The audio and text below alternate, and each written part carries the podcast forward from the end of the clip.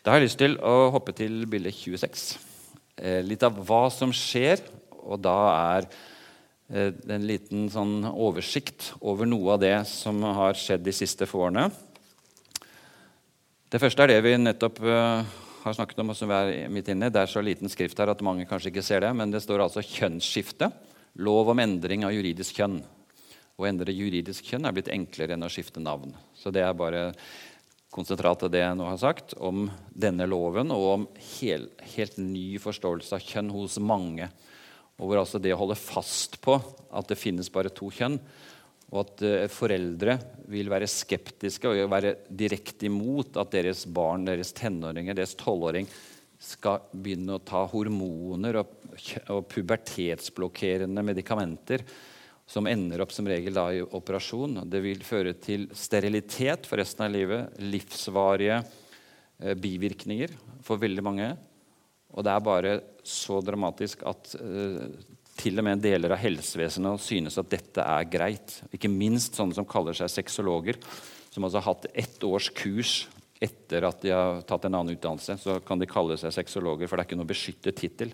Så egentlig kunne hvem som helst av dere som har lest en bok uh, som gir deg litt sånn kunnskap om dette, begynne å kalle deg sexolog. Og det kunne kanskje vært nyttig at det kom noen flere litt vettue sexologer. For de er uh, så uh, utflytende, veldig, veldig mange av dem. Og de har gått i lære hos han Espen Ester Pirelle Benestad i Grimstad, som er kjønnsanarkist, kort og godt. Liksom det finnes ikke noen eh, grenser egentlig for hva som er bra, så lenge det er frivillig og ikke noe vold og utnyttelse. og den slags. Og Det er jo det eneste budet nå i veldig mye av denne skeive ideologien. Det er at frivillighet mellom likeverdige personer er bra. Uansett hva det er. Absolutt uansett. Så lenge det er frivillig og ikke utnyttelse av andre. Likeverdige personer. At ikke man utnytter barn eller psykisk utviklingshemmede. Det var første punktet. Så det andre dette er det med flere kjønn. Visste du at det finnes sju kjønn? Det er en liten videosnutt av han Pirelli Benestad som ligger på NRK. Han har ligget der nå i hvert fall fem år, hvor de gir han plattform til å på 90 sekunder fortelle at det finnes uh, sju kjønn. Og det er jo bare tull, selvfølgelig. Altså, det, det, er ingen andre leger som er enig med han i det. Men allikevel så har han eh, status og autoritet og forvirrer veldig mange barn og unge.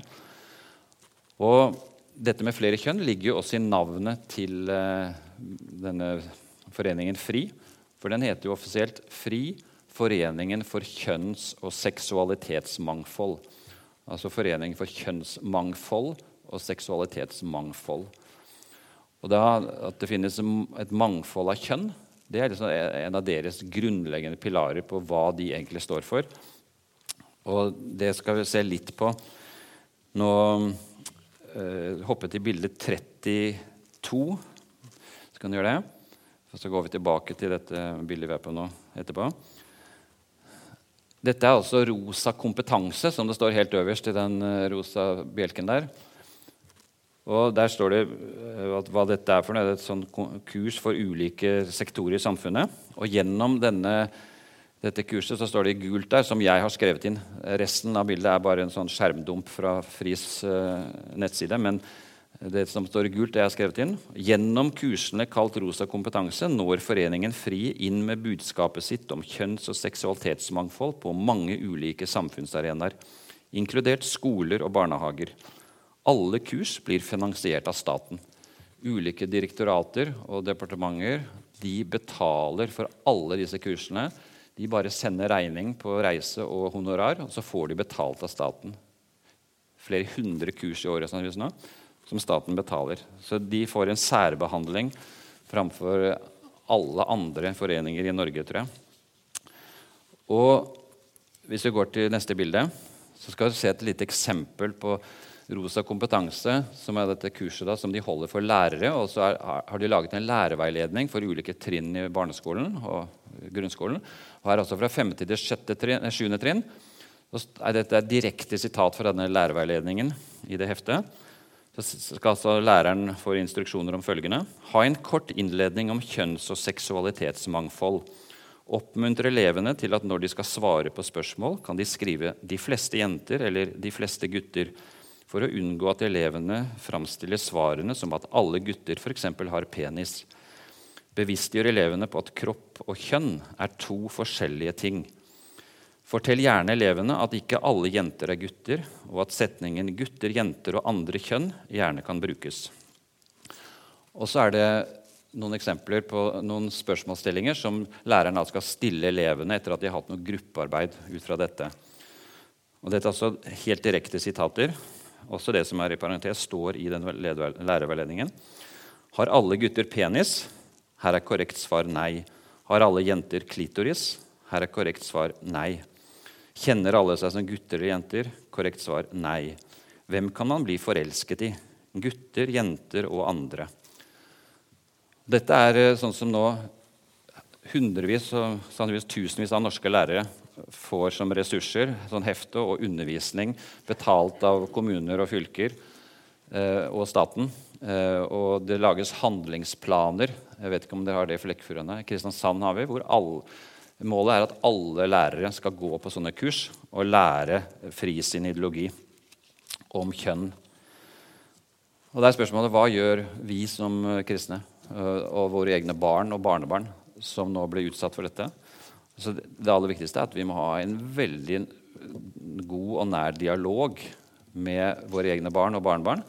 Så må vi ha dialog med lærerne eh, og få høre hva som skal undervises. Og når skal dere ha sånn kurs med, fra Rosa kompetanse eller andre grupper som kommer? Og da har du som foreldre, og besteforeldre også, men særlig foreldre, har jo rett til å få vite. Dette er ikke noe hemmelig. Og eventuelt bestemme at vi, vi vil ikke la barnet være med på dette. Så vi tar barnet ut den dagen. Og det er faktisk lov i forhold til eh, eh, opplæringslova, som jeg også har et bilde på som jeg ikke bør vise nå, men hvor det står veldig klart at hvis det er undervisning som strider mot foreldrenes livssyn eller etisk overbevisning, så har de rett til å be om fritak for barna sine eh, for den undervisningen. Det er det veldig få som vet om tror jeg, av eh, oss kristne. Men det er altså mulig, det, men det kan være belastende for barn. og sånt. Så, men hvis man er lur og reiser bort og gjør noe som gjør at man er borte en dagen, at de ikke bare sitter hjemme fordi du ikke skal på den undervisningen, så er det mulig. Eller noe som er kanskje enda mer aktuelt og relevant for mange av oss, og nå blir det jo i Flekkefjord også, det er å, å, sende barna på kristne skoler. Eh, dere får vel Oasen skole, er det ikke det? Eh, vi har selv to barnebarn i Oasen skole i Søgne og kjempeglad for det.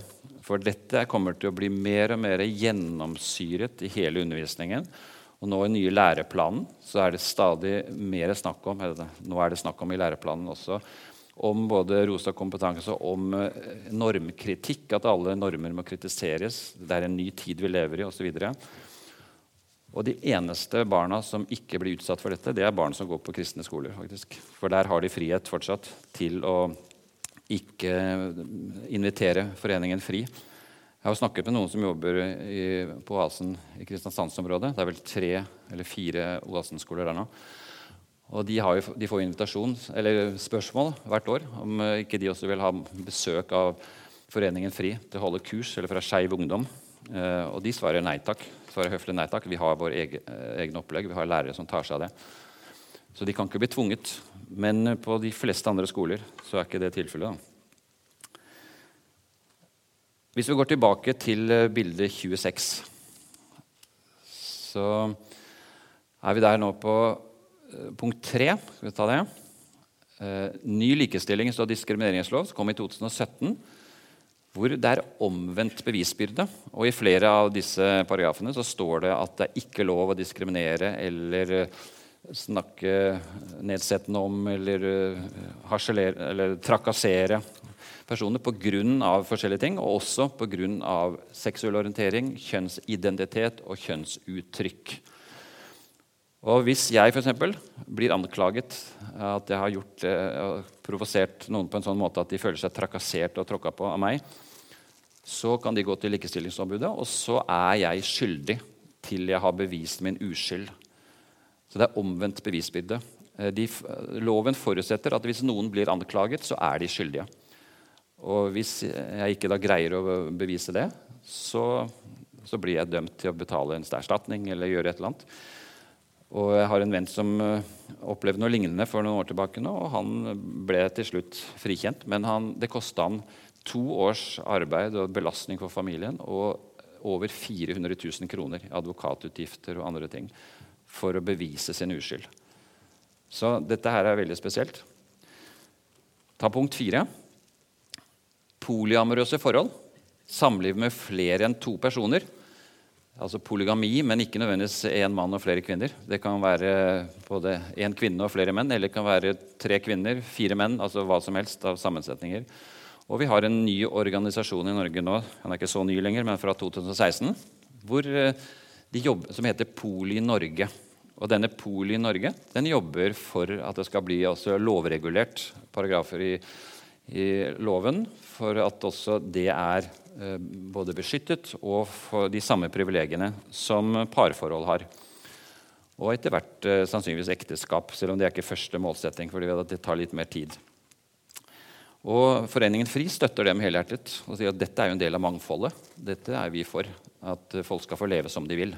Eh, staten har ikke noe med å legge seg opp i hvor mange som bor sammen og er familier. Og nå er det jo også partier som jobber aktivt for at eh, det skal bli tillatt med flere enn to foreldre. Sånn at det blir tre og fire foreldre. og Det er også da første steg på å gjøre om hele institusjonen med ekteskap, samliv og hvem som har rett til å høre sammen i en familie på den måten, sånn eh, juridisk. Og så er vi punkt fem, som er eh, revisjon av straffeloven. Og da er det faktisk åtte paragrafer som blir revidert. De får, altså det er mange flere, men det er åtte som kommer til å få en ny formulering som ikke står der fra før. Og ikke minst så gjelder det paragraf 185 og 186, som handler om hatefulle ytringer. Og da kan vi se på bilde 28. Hvis du blar til, ja. Der står det nå i loven Jeg har streket under bare for at du skal se det tydeligere hva det handler om. Men altså, understrekningene står ikke i loven sånn som det er gjengitt der. Men uh, dette er direkte sitat fra loven sånn som den er nå. Med bot eller fengsel inntil tre år straffes den som forsettlig eller grovt uaktsomt offentlig setter frem en diskriminerende eller hatefull ytring. Som ytring regnes også bruk av symboler. Den som i andres nærvær Altså ikke offentlig, men i, i, blant venner eller står og snakker med noen naboer. Den som i andres nærvær forsettlig eller grovt uaktsomt fremsetter en slik ytring overfor en som rammes av denne, straffes med bot eller fengsel inntil ett år. Og så Neste punkt, så dette fortsettelse av samme lov, eller samme paragraf.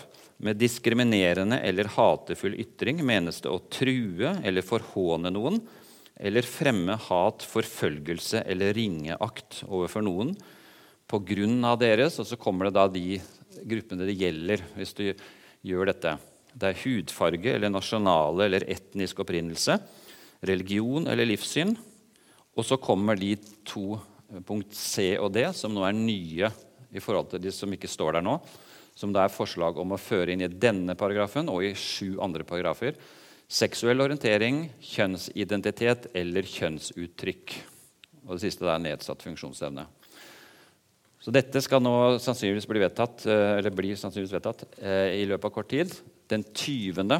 oktober, så det er eh, neste tirsdag, så har justiskomiteen frist på seg til å levere sin innstilling til Stortinget.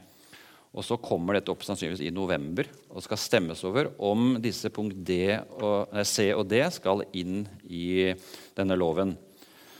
Og Da er jo spørsmålet hvis vi går til neste bilde, hva betyr det å forhåne eller fremme ringeakt overfor noen pga. deres seksuelle orientering, kjønnsidentitet eller kjønnsuttrykk? Og Det er jo ikke definert skikkelig. det hele tatt. Eh, og I tillegg så er jo kjønnsidentitet et veldig flytende begrep. Altså Foreløpig er det noen eh, miljøer som regner med sånn rundt 70 kjønnsidentiteter. Andre har nå funnet ut at det er sannsynligvis nærmere 100 forskjellige kjønnsidentiteter. Og Hvis jeg da sier noe som kan eh, såkalt vise ringeakt for, eller forhåne noen som har en av disse 70-80-90 kjønnsidentitetene, er det straffbart i Norge? Og det kan det altså bli. Og da Noen eksempler. Eh, det som eh, forarbeidene, eller I proposisjonen fra, nei, fra departementet til Stortinget så står det det at dette skal tolkes strengt, men det som foreløpig er rettspraksis, er at integritetskrenkelser rammes av loven. Det kan straffes. Og hva er det i forbindelse med seksuell orientering, kjønnsidentitet og kjønnsuttrykk det betyr? Hva er en sånn integritetskrenkelse? Vil noen av følgende ytringer komme i denne kategorien? Så første, Grete Hansen er en juridisk kvinne i mannskropp. Blir det ulovlig å si? Eh, eller det, blir det lovlig? Altså, det er ikke umulig at det regnes som integritetskrenkende. For hvis det, Grete Hansen er en, en, mann, men er blitt juridisk kvinne, da er hun kvinne i statens øyne. Og da definerer seg, han definerer seg selv som kvinne. Og da er det forhånende. Eller det er å vise ringeakt hvis jeg da kaller henne en kvinne, juridisk kvinne i mannskropp er veldig sannsynlig, uten at jeg kan bevise det nå. For det får vi se rettspraksisen. Men det er veldig skummelt hva som nå kan utvikle seg. fordi vi vet også at uh, mange transpersoner er utrolig aggressive. De bruker alle muligheter for å, å, å, sette folk på plass og skape frykt, og gjerne få dem avsatt. Og da vil denne loven kunne bli et veldig effektivt våpen i deres hender. Neste eh, eksempel. Hans Andersen er en juridisk mann som kan føde barn, men i realiteten er han en biologisk kvinne. Er det eh, integritetskrenkende? Eh, neste eksempel. Lise Eriksen har penis, så selv om hun er juridisk kvinne, er hun ikke en virkelig kvinne. Som en juridisk kvinne i mannskropp bør ikke Nina Olsen få lov til å delta i idrettskonkurranser for kvinner. Det er jo faktisk et stort problem nå at det er mange juridiske kvinner som jo er menn i mannskropp. De har mer testosteron, de har større muskelmasse, de har en eh, kraftigere kropp, men de får lov nå i flere idretter å konkurrere mot kvinner. F.eks. en canadisk uh, mann som nå er juridisk kvinne. Han har vunnet VM i innesykling for kvinner to år på rad. Han har blitt uh, verdensmester i innesykling for kvinner, og så er han altså en biologisk mann. Så dette virker bare så spredt at mange vil si Åssen er det mulig? Men altså, det er der vi er nå. Og Et siste eksempel. Juridiske kvinner med skjegg, sminke, penis og mannsstemme passer ikke som barnehagelærere. Vil det bli straffbart å si det offentlig? Og hvis en, en kristen barnehage sier at vi kan ikke ansette den personen som er en juridisk kvinne, men ser ut som en mann, eh, det skaper så mye forvirring og frykt hos barna hos oss, treåringer og fireåringer, som skal ha en sånn lærer som kommer med skjørt og den ene dag og kommer med noe annet en annen dag, og som eh, later som hun er kvinne, men ser ut som en mann. Så her er det mye eh, både spennende, sånn negativt sett, og også uklart og veldig usikkert hva denne endringen i straffeloven vil føre til hvis den nå blir vedtatt. Det er jo ikke endelig sikkert, men eh, mye kan tyde på det. Så det får vi se. Eh, jeg avslutter med et annet ark som ligger der ute på bordet. Eh, som eh, bare kommentere veldig kort før vi tar pause. Og jeg skal si noe om et par bøker også, sånn at dere kan kikke i pausen. For nå tar vi snart en liten pause. Men det er et ark der som er veldig informativt, som heter 'Homoterapi?' spørsmålstegn. Så var dette for et år siden. dere husker sikkert, Det var i oktober-november. Det foregikk mye.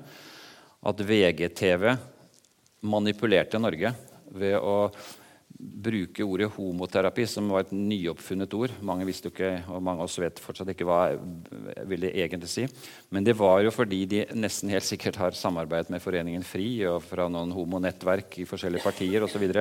for å lage noe som kunne ta oppmerksomheten bort fra det som egentlig var forslagene som Arbeiderpartiet og MDG, Miljøpartiet, foreslo i, i fjor, vår, nei, fjor høst. og Eh, I forslaget fra Arbeiderpartiet så står det at eh, Stortinget bør forby konverteringsterapi. Og det samme sier eh, forslaget fra MDG. De, regjeringen klare, og Stortinget må klargjøre at altså konverteringsterapi for homofile, bifile, lesbiske og transpersoner er ikke tillatt. Og Da får du det i klartekst. Altså, det har ikke noe med homoterapi primært, men det er eh, konverteringsterapi. Altså det å hjelpe homofile, bifile, lesbiske eller transpersoner. Og det er jo det som virkelig er alvorlig. Fordi det vil si at hvis du går inn på den eh, linja som nå veldig mange gjør, som uh, Foreningen FRI står for har promotert i flere år, nemlig at det finnes mange kjønn, flytende kjønn, og det er jo barn som kjenner seg selv best. Så hvis da et barn finner ut plutselig at jeg vil En jente, som jo er Det er tyvedobling av unge, unge jenter og gutter, og særlig jenter, nå, de siste tiårene. I Norge, Sverige og i England er det en tyvedobling av antallet jenter som ønsker å bli gutter. Og det, kommer sånn plutselig fordi det er sosial smitte gjennom Internett. De har, mange av dem, over 70% har problemer, psykiske problemer med depresjoner. De har tung ADHD-problematikk, noen av dem. De har autisme, de har spiseforstyrrelser osv. Og så tror de at det å skifte kjønn ja, men det er jo løsningen. Det er det jeg ikke har prøvd. Og så blir de overbevist av å se masse rare filmer og påvirkning på Internett. Og så sier foreldrene at det får du ikke lov til. Du må bli voksen. Du kan ikke begynne med medikamenter og hormoner og forskjellig nå. Det får du bare ikke lov til. Du er midt i puberteten, eller skal snart begynne på puberteten. Og da er vi kommet så langt i flere land. I USA jeg så nettopp i formiddag en veldig interessant samtale mellom to som har skikkelig peiling på dette, og som har skrevet bøker om det. Og sier at nå er det bare så ille i flere stater i USA og Det er ett eksempel foreløpig i Norge på at foreldre til et sånt barn som ønsker å skifte kjønn, men foreldrene sier du kan ikke nå, vi må hjelpe deg på andre måter, og så kan du se når du blir voksen, når du blir 18 år. Men da er disse foreldrene i mange tilfeller blitt anklaget for eh, omsorgssvikt overfor barnet, fordi de ikke lar barnet få bestemme over seg selv. For det er jo barnet som kjenner seg selv.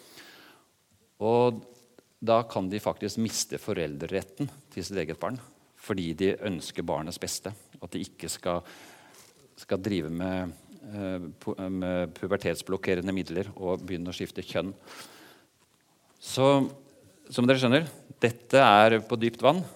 Og det som er uh, saken nå, det er jo at uh, Helsedirektoratet, mot rådene fra Folkehelseinstituttet som Folkehelseinstituttet med Stoltenberg i spissen har skrevet kronikk i Aftenposten for et par måneder siden og påpekte at det som nå Helsedirektoratet foreslår, og har vedtatt, faktisk, de retningslinjene for transbehandling av barn og unge er mot all faglig kunnskap, det er mot barns beste, det er mot alt mulig. Men allikevel ønsker Helsedirektoratet og har nå sendt ut retningslinjer til kommuner og fylker. Og de følger helt foreningen fri i det de står for. Så her er det også indre splid nå i fagmiljøene og det blir kjempespennende de neste par årene å se hvor dette ender. Den ikke ender, for det vil ikke ende ennå, men altså hvor det, hvor det, går. Og ikke minst også rettspraksis og sånn, og i forhold til straffeloven. Så dette her er, For dere som ikke har hørt og lest noe særlig om dette før, så er dette sånn sjokkterapi, kanskje. Uh, dere føler at dette er så deprimerende. at Hva gjør vi? Det skal vi snakke mer om om to uker, men vi skal også ta opp litt sånn på slutten av denne dagen og denne kvelden. Men eh, det er bare for at vi ikke skal leve på eh, sånn overfladisk illusjon om at uh, dette her går seg til, og det, det går sikkert bra. For det er dyptgripende endringer som nå skjer. Og det er en bok som beskriver dette veldig bra, og som jeg anbefaler. Noen av dere har den helt sikkert, for jeg har delt ut den også tidligere i Flekkefjord. For dette er en bok som er skrevet av Kjell Skartveit. 'Normløst hvordan radikal kjønnsteori erobret Norge'. Den er jo stor, eh, men man behøver ikke lese hele boka. Den har en veldig detaljert innholdsfortegnelse, så man kan lett finne fram til de delene man er mest interessert i, og starte der. Så vil du helt sikkert få lyst til å lese mer. Eh, og den deler vi ut gratis til de som har lyst til å ha den. Og det betyr at Hvis du har lyst til å lese om ikke hele, så i hvert fall lese en god del av den, og ikke bare sette den i hylla altså, kanskje om fem år, så kikker jeg på den, men at du virkelig er interessert, så kan du få den. Og så ligger det en lapp inni. Jeg må bare være ærlig og si at det ligger en lapp. Så ja, dette er en gave. Den får du uten å Vi noterer verken navn eller hvem som har fått denne. Men det står at hvis du har lyst til å støtte arbeidet til mor, far, barn, så kan du gi en gave på VIPS eller på en konto. Så Den lappen ligger der, og den gjør du med det du vil. Og En annen bok som også er eh, til utdeling på samme måten, det er 'Gutt og jente'. En veldig flott bok eh, med mye farger, lettlest, korte kapitler for ungdom. Det er ungdom og seksualitet på ulike måter. Eh, veldig kreativt og flott skrevet. Og hvor de også har 10-12 sider om eh, dette med skeiv ideologi med ulike minor seksuelle minoriteter. Og også to korte kapitler om dette går det an å være født i feil kropp.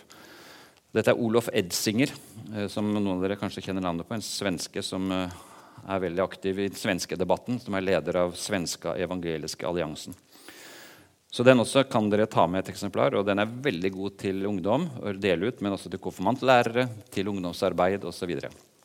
så kjøp gjerne et klassesett etter hvert. Det er en billig bok, så den er lett å skaffe.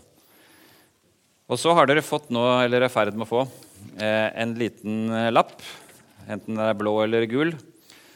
Og Der er overskriften 'Gode internettressurser om kjønn og seksualitet, samliv, barn og ekteskap'. Og der er det seks forskjellige nettsteder. Alle sammen er på norsk. Og de er så viktige, alle disse her, øh, hvis man ønsker å jobbe mer med dette. Og hvis du er lur, så ønsker du det. Fordi dette går ikke over. Og du kan bety så mye for dine egne barn og barnebarn hvis du har litt mer peiling enn du sannsynligvis har nå. Både med å lese en eller flere bøker, men også bruke nettsteder som har masse godt stoff og Den første som står der, det er samlivsbanken.no, som mor, far, barn drifter. Er vi som eier, og jeg som har gjort mye av det, og lagt ut. og sånn. Det er vi som legger ut stoff der. Og den inneholder mange gode ressurser for eh, undervisning og, selv, og skolering av seg selv og selvstudium. Og også undervisning eh, på video. Eh, mange powerpoint-piler. De aller fleste powerpoint-pilene jeg viser i dag, de ligger også på Samlivsbanken med lederveiledning under hvert bilde. Så den er full av ressurser til eh, selvstudium og undervisning. Også i menigheter og i grupper. Det er mange gruppeopplegg der også. Ferdig med spørsmål. Og, sånn, og det finner dere på en del av disse arkene også. Etter teksten så står det nederst 'spørsmål til samtale', som kan brukes som gruppeopplegg. Og så har du Transinfo, som er en veldig nyttig nettside for alt som har med transtematikk å gjøre. Som ikke er kristen, men som har eh, flere kristne som samarbeider, og sånt, så det er ikke noe antikristen på noen måte. Det er helt på linje med det jeg i hvert fall tror på når det gjelder dette. Så den er veldig bra. Den er norsk også. Og Samlivsrevolusjonen er nettstedet til han Kjell Skartveit, som har skrevet den tykke boka, hvor han legger ut mange interessante saker. Både ting han selv har skrevet, men også mye annet. Så det er et flott sted. Og Gutt og jente det er også de som har gitt ut denne boka. Og der På den, det nettstedet så ligger det ikke primært uh, om, uh, om, homoseksualitet eller transbevegelsen. Sånn.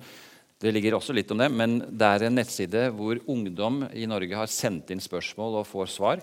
Over 1000 spørsmål og svar på de spørsmålene eh, ligger nå ute. Og et par hundre artikler, og det ligger noen filmer og forskjellig. Men det er en veldig innholdsrik nettside som nettopp er blitt oppdatert og oppgradert. Så den bør dere også kjenne til ikke minst hvis dere har barn og barnebarn som kan være eh, interessert i å få litt gode bibelske svar på mye av det som rører seg i tiden. Og så er det Mor, far, barn, som er også vår sånn, hjemmeside eh, ved siden av denne Samlivsbanken. Og så er det samliv.info, som er en veldig interessant side med mye undervisning om ekteskap og videoer og forskjellig, som eh, noen av de som er aktive på Gutt og jente, har drevet i mange år. Masse kurs og veldig god undervisning. Så hvis det er noen som tenker at hvor skal jeg lete, jeg gidder ikke å lese store bøker Nei, men gå på nettet, les flotte artikler. Bare ved å holde på noen timer eh, i måneden, eller la oss si én time i uka. Si, kanskje du setter deg et mål én time i uka fram til jul. Så skal jeg gå på nettet eller lese eh, andre bøker. Eller noe om dette, så vil du allerede være ekspert i forhold til det veldig mange andre rundt deg er. Så her må vi ha litt egeninnsats og vite at det er, er, det verdt. For da vil vi både hjelpe oss selv veldig, mye tryggere å slippe av dårlig samvittighet hele tiden. Og så vil vi kunne hjelpe våre egne barn og barnebarn og andre som kanskje er forvirra. Da tar vi bilde 37. Jeg tror de fleste av oss skjønner at dette vi nå har beskrevet, det er en frontkollisjon mot uh, veldig mye det som Bibelen sier, og som er grunnleggende sannheter. Så bare en liten opplisting. Eh, veldig med det som nå skjer, og det er ikke bare Foreningen FRI og sympatisører der, men det er langt inn i regjeringen og flertallet på Stortinget sånn, som er med på dette. Hvor det er skjedd en kulturell revolusjon. Og mange snakker om en kulturell hjernevask som pågår. For det er så mye rart som nå vedtas uten at uh, politikerne tydeligvis har tenkt grundig gjennom konsekvensene. Men det første punktet det er at uh, alt som har med kjønn å gjøre, er jo snudd på hodet langt på vei. Og hvor uh, ikke det lenger er noen grupper der ute som ikke vi hører så mye om. Nei, nå er det helt inn i våre egne sirkler, våre egne barn og barnebarn som blir utsatt for dette. Det andre det er eh, seksualitet. Hva er seksualiteten til for? Er det et nytelsesmiddel som du kan bare gjøre som du vil med, ha det med hvem du vil, ha sex med hvem du vil? Sånn som Foreningen FRI og Skeiv Ungdom sier helt rett ut. Alle seksuelle handlinger er flotte hvis de er gjort frivillig mellom likeverdige personer. Alt. Absolutt alt. Og Skeiv Ungdom har en egen uh, skeiv sexhåndbok som er sånn halvveis vulgær, og som uh, sier rett ut at kardemommeloven er den som gjelder for oss. Har du lyst, har du lov. Grei og snill, ellers gjør som du vil. Og Den boka ligger ute på Den norske kirkes ressursside for ungdomsarbeid. Og Det er bare helt forferdelig, så det driver vi nå og jobber med for å se om Norske kirke egentlig ønsker det. Men de er jo så gira nå i Kirkerådet på å samarbeide med Foreningen FRI. Så om de trekker den boka eller ikke, det får vi se. Men eh, vi skal gjøre noen offentlige utspill for at det, det skal skje, at den, den, trekkes. Og de andre bøkene også. Fem bøker fra Foreningen Fri og Skeiv Ungdom ligger ute nå på Den norske kirkes nettsider. Så her er det en indrekirkelig jobb å gjøre også. Eh, så det har med seksualitet generelt å gjøre. Og så er det foreldreskap. Hvem er foreldre til et barn? Eh, hvis man har eh, har assistert befruktning, om man har surrogatmor, om man har eggdonasjon osv. Hvem er det egentlig som er foreldrene? Neste. Barn. Eh, hvilke rettigheter har barn? Når det står det i Barnekonvensjonen at eh, ethvert barn har rett til å kjenne sine foreldre og få omsorg fra dem, så gjelder jo ikke det lenger i Norge. Eh, Stortinget bryter Barnekonvensjonen, enda de selv har forpliktet seg på den. Men det de gjør, er å omdefinere ordene bare. De sier at ja, foreldre det er ikke nødvendigvis de biologiske foreldrene. Selv om det er det som ligger i alle forarbeidene og alt som har med Barnekonvensjonen. Men uh, det er en sånn en manipulering med ord og begreper, og hvor man ikke bryr seg så mye om det, fordi det er noe som er viktigere. Og det er voksnes frihet til å leve som de vil. Og så er det ekteskap. Hva er ekteskapet, som vi har vært inne på? Og det er altså grunnsteinen. Vi må bare holde fast på at ekteskapet er for én mann og én kvinne. Hvis ikke så taper vi. Da kommer vi til å følge med strømmen. Og det kan koste, men det er en av de store utfordringene nå for alle konservative organisasjoner og kirkesamfunn. Det er å holde fast på ekteskapet. Og hvis ikke du greier det, så greier du ingenting av de andre tingene heller. Og da er det familie som også er i støpeskjeen. Hva er familie? Og hva er Guds design for familie? Og så er det det sjuende punktet. Slekt og blodsbånd. Betyr det noe at vi er i slekt med hverandre? Nå er det jo flere partier som ønsker også at dobbeldonasjon skal bli tillatt. Både eggdonasjon og sæddonasjon til samme kvinne eller til samme par. Hvor altså barn, øh, foreldrene eller den ene forelderen ikke er i slekt med sitt eget barn. Og det syns mange også er helt fint. For slekt og biologisk bånd, hva betyr det? Det, viktig, det, eneste som er viktig, er jo gode omsorgspersoner. Og nå har jo til og med Stortinget i mai vedtatt at enslige, single kvinner skal få statens hjelp til å få barn. Så nå kan i prinsippet enhver eh, kvinne over 18 år i Norge gå til fastlegen og si det at jeg vil gjerne ha et barn. Og så er legen forpliktet til å sette i gang en prosess med sæd fra sædbanken i Haugesund sykehus eller på Rikshospitalet. Om det kommer noen retningslinjer der mer etter hvert, det er jeg ikke sikker på. Men i, hvert fall, i utgangspunktet så skal da fastlegen vurdere om denne kvinnen er egnet til å være enslig mor. Så vi får se. Men i hvert fall er den loven allerede vedtatt. Og da Hvis denne kvinnen ikke får barn med eget egg, så er det for mange selvsagt ja, men da må hun jo både få egg og sæd. Så hun kan få det barnet hun ønsker seg. Som hun da ikke er i slekt med. Ehm, neste bilde, er det grei? Vi må slutte med noe bibelsk eh, perspektiv her. Det første det er jo Romerne 1,28. De brydde seg ikke om å kjenne Gud. Derfor overga Gud dem til en sviktende dømmekraft. Det står det i den 2011-oversettelsen. Og Jeremia 8,9.: De har forkastet Herrens ord. Hva hjelper da deres visdom? Det syns jeg er to illustrerende bibelvers på hva som er i ferd med å skje i Norge. På i hvert fall dette feltet. Neste bilde. Grei. Hvordan møte den radikale kjønnsideologien? Der må vi holde fast på at Guds vilje er god. Vi må ta på alvor at Guds ord og skaperens vilje for familie, ekteskap og barn er det beste for enkeltmennesker og for samfunnet. Uansett hva andre sier, så tror vi på en god Gud. Og Guds bud og Guds kjærlighet hører nøye sammen. Budene er gitt i kjærlighet, ikke for å plage oss. Hvis ikke vi holder fast på det, så blir det vanskelig. Og det er bare så bibelsk og riktig. Skeiv ideologi er uholdbar. Vi må avvise den irrasjonelle troen på at seksualitet, fruktbarhet og foreldreskap ikke hører sammen, og at kjønn er en sosial konstruksjon uten biologisk basis. Og Her er vi ikke alene om å påvise det og, og mene det. Det er mange ateister og andre også som mener at dette er fullstendig skakkjørt, det som nå skjer i, i samfunnet på kjønnsområdet. Og her må vi spille på lag med andre gode krefter som er enige med oss. Og Det kommer til å bli interessante allianser tror jeg, nå i årene framover vi selv nå i Morfarbarn samarbeider litt og, sånn med, med, noen som selv eh, definerer seg som lesbisk homofile, men som ser at denne transbevegelsen er ødeleggende for barn og for kvinner. Så Da må man være helt åpen på hva vi er dypt uenige om. Men samtidig så har vi felles uh, interesse i noe som vi kan kjempe sammen og få enda større slagkraft.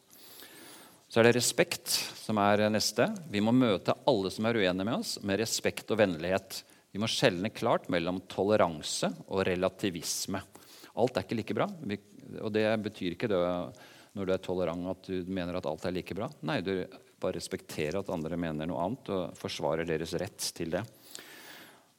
Og um, ja, Vi tar neste. Bønn er det. Vi må hjelpe hverandre til å møte den radikale kjønnsideologien i bønn. Enten vi vil eller ikke, så er vi deltakere i en åndskamp. Ikke mot mennesker, ikke mot kjøtt og blod, men mot tankesystemer, verdier, filosofier og moralnormer som kolliderer med Guds vilje. Men for å skjønne det og kjenne de eh, kollisjonene og hvordan dette ikke stemmer overens, så må vi ha kunnskap. Så bønn, informert bønn her er jo kjempebra. Men om ikke du kan så mye, så be allikevel. Her er det nok å be om. Og så er det siste punktet. Og det er troens pris. Vi må venne oss til at troen på Jesus som herre og mester kan ha en pris i pakt med det Jesus lærte sine etterfølgere. Faktisk så står det mye i Bibelen om det å følge Jesus og den prisen det er. Har de forfulgt meg, vil de forfølge dere. Salig er dere, sier Jesus. Altså Velsignet og lykkelig er dere når de håner dere og spotter dere og forfølger dere, snakker ondt om dere på alle vis for min skyld. I Lukas 6, 22 for eksempel, står det. Så dette er eh, noen få punkter, så, og vi skal altså snakke litt mer om lignende ting eh, om to uker. Og da Det aller siste bildet jeg skal vise nå, det er eh, Jesu radikale utfordring, som er en videreføring av noe av det som står her. Og Da vil jeg bare først si at det som eh, jeg syns er grunnleggende, det er det som eh, vi har sagt helt fra gamle dager, at vi må skjelne mellom sak og person. Jeg er helt overbevist om at det saklige, den ideologien, er noe vi må bekjempe med alle midler. Med rene midler, selvfølgelig, men med åndskraft. Mens vi skal møte alle mennesker som står for denne ideologien, på en vennlig og saklig og respektfull måte. Men vi må skjelle mellom sak og person. Vi må skjelle mellom ideologi og individ. Derfor så går det an å elske eh, med Jesu kjærlighet folk som lever homofilt og lesbisk og trans og hva som helst. Fordi det er ideologien vi er skeptiske til. Det er ikke personene. Vi kjemper ikke mot kjøtt og blod, men mot åndsmakter og krefter i himmelrommet osv. Så, videre. så det er dette som Paulus snakker om, å ta på seg en full rustning. Og da er det i forhold til ideologiene, ikke mot menneskene. Og Derfor kan Jesus si, sånn som han eh, lærer oss i bergprekten Så tar neste. Dere har hørt deg sagt, du skal elske din neste og hate din fiende. Men jeg sier dere, Elsk deres fiender. Velsign dem som forbanner dere. Gjør godt mot dem som hater dere, og be for dem som krenker dere og forfølger dere. Dette er jo så radikalt at vi har ikke helt uh, evne og kanskje kapasitet til å forstå det helt. Men med Guds kraft, med Guds kjærlighet, med hans uh, ledelse, så er det mulig i hvert fall å gå den retningen. Og så ser vi hvordan Paulus har lært av Jesus på dette feltet. Paulus sier i første kor 4.: Når vi blir utskjelt, velsigner vi. Når vi blir forfulgt, holder vi ut. Når noen håner oss, svarer vi med vennlighet. Og Det kan vi også gjøre lettere tenker jeg, hvis vi har den overbevisningen om at vi er ikke kalt til å vinne diskusjoner. Og som argumenterer så godt at de kommer i et hjørne om å gi opp. Liksom. Nei, det, for det første vil vi sannsynligvis ikke greie det, men det er ikke det som er kallet vårt, å vinne diskusjoner. Men det er å vitne om hvem vi tror på, hva vi tror på, hvorfor vi tror på det vi gjør også på disse områdene. Så senke skuldrene om de andre har, har mer peiling og de sen, kjører også senk. ok, jeg kan falle vitne om hva Bibelen betyr for meg, hva Jesus betyr for meg. Barneperspektivet, mor-far-barn-relasjonen, at ekteskapet tror jeg er mellom mann og kvinne. Uansett om jeg blir fordømt for det, så er det det jeg tror. Og så vitne på ulike måter, og ikke vinne diskusjoner. Så da sier jeg eh, amen til uh, min intervensjon her eh, og til, disse, ja, til denne lydhøre forsamlingen. Så tusen takk skal dere ha for at dere satt helt til enden. Og nå skal vi også ha et kvarter med åpen mikrofon. Og for å slutte på et helt sånn løfte blikket og høre hva Paulus sier som en trøst til alle oss som føler oss litt deprimerte nå, så sier Paulus i 2. Timoteus 1,7 vi fikk ikke altså Gud kalte oss ikke til motløshet. Vi fikk den ånd som gir kraft, kjærlighet og visdom. Sindighet står det noen steder. Visdom er en annen oversettelse. Kraft, kjærlighet og visdom. Ikke mismodighet, ikke hovmodighet, men frimodighet, kalte Gud oss til. Og Da trenger vi hverandre, og vi trenger Gud, hans ledelse, hans visdom, så her kommer vi til å oppleve stadig mer behov for å være avhengig av hverandre og av Gud.